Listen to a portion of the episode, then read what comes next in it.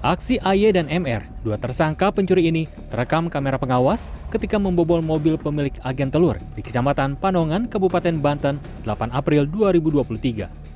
Saat itu mereka berhasil menggasak uang 100 juta rupiah dari tas korban yang disimpan di jok tengah mobil. Setelah dua bulan buron, kedua tersangka diringkus polisi pada 3 Juni 2023. Selain di daerah Panongan, mereka sudah tujuh kali beraksi di lokasi lain. Kepada polisi, warga asal Panongan ini mengaku mencuri lantaran ketagihan judi online. Candu judi online juga membuat pria berinisial JR ini harus berurusan dengan anggota unit Reskrim Polsekta Regol Kota Bandung. 14 Agustus 2023, ia terekam CCTV membobol minimarket di Jalan Muhammad Toha, Kota Bandung dan mencuri ratusan bungkus rokok. Usut punya usut, pria 30 tahun yang bekerja di minimarket ini sudah tiga kali membobol minimarket. Alasannya, ia kecanduan judi online. Di Cirebon, Jawa Barat, jerat judi online membuat Wakil Kasat Lantas Polresta Cirebon, AKP Purwadi, dan Provos Polresta Cirebon merazia ponsel milik puluhan anggotanya pada Jumat Sabtu September. Usai diperiksa satu persatu, tidak ditemukan aplikasi judi online di ponsel anggota Satlantas Polresta Cirebon. AKP Purwadi mengancam akan menindak tegas anggotanya jika mereka kedapatan bermain judi online. Kecanduan judi online membawa banyak dampak buruk bagi penderitanya, baik secara psikologis, fisik, maupun sosial. Tak jarang pecandu judi online mengalami depresi, putus asa, hingga mencelakakan diri sendiri dan orang lain. Sejumlah kasus memperlihatkan penjudi online yang kehilangan akal sehatnya terus bermunculan.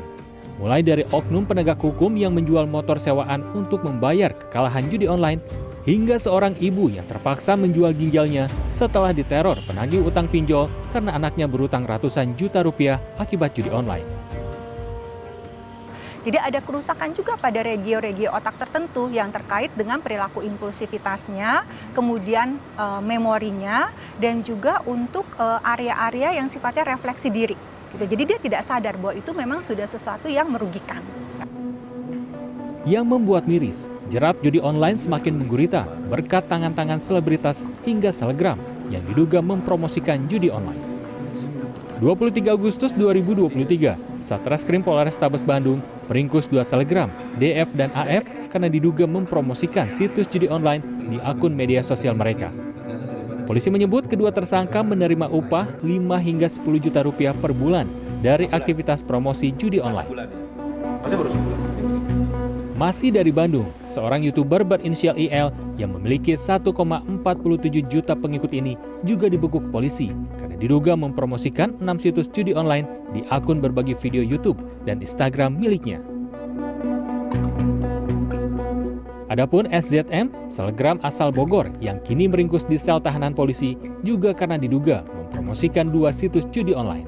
Sejak tujuh bulan silam, Selegram berpengikut lebih dari 8.000 orang ini gencar memajang iklan judi. Ia bahkan didapuk menjadi brand ambasador situs judi online dengan kontrak gaji hingga 7 juta rupiah per bulan. Di tahun 2017, unggahan Nikita Mirzani yang diduga ikut mempromosikan judi online berujung pada laporan kepolisian.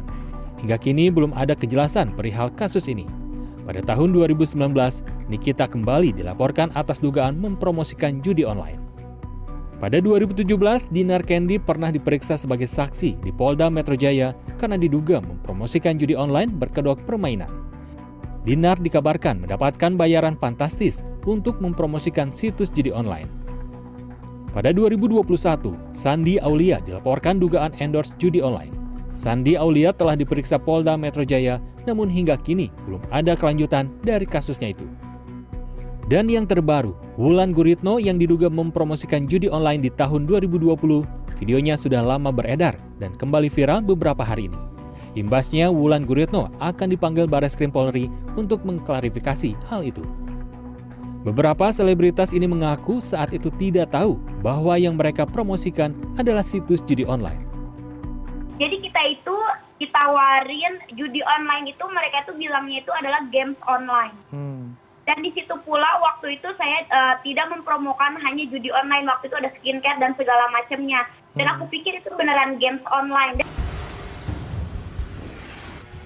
Tidak hanya bandar Indonesia, bandar dari negara tetangga bahkan gencar mencari mangsa warga Indonesia. Dalam program Broly Files pada Mei 2023 lalu, JN, seorang mantan operator judi online mengaku ada koordinasi ilegal lintas negara demi memuluskan praktek kejam perjudian online. Judi online itu pasarannya di Indonesia dan berbeda dengan scammer. Kalau scammer itu ada yang di pasar Indonesia, ada yang di pasar Malaysia. Saya pernah bertanya kepada bos saya, waktu saya bekerja sama orang Cungkuo lah ya, Cina, orang Cungkuo sana. Dan dia menjawab dengan bilang, e, kenapa pasarnya di Indonesia, mencakup Indonesia? Karena Indonesia banyak penjudinya. Dan banyak pengangguran di situ, memiliki uang untuk deposit, tapi tidak memiliki uang untuk makan. Untuk buat kata deposit bisa, untuk makan tidak bisa.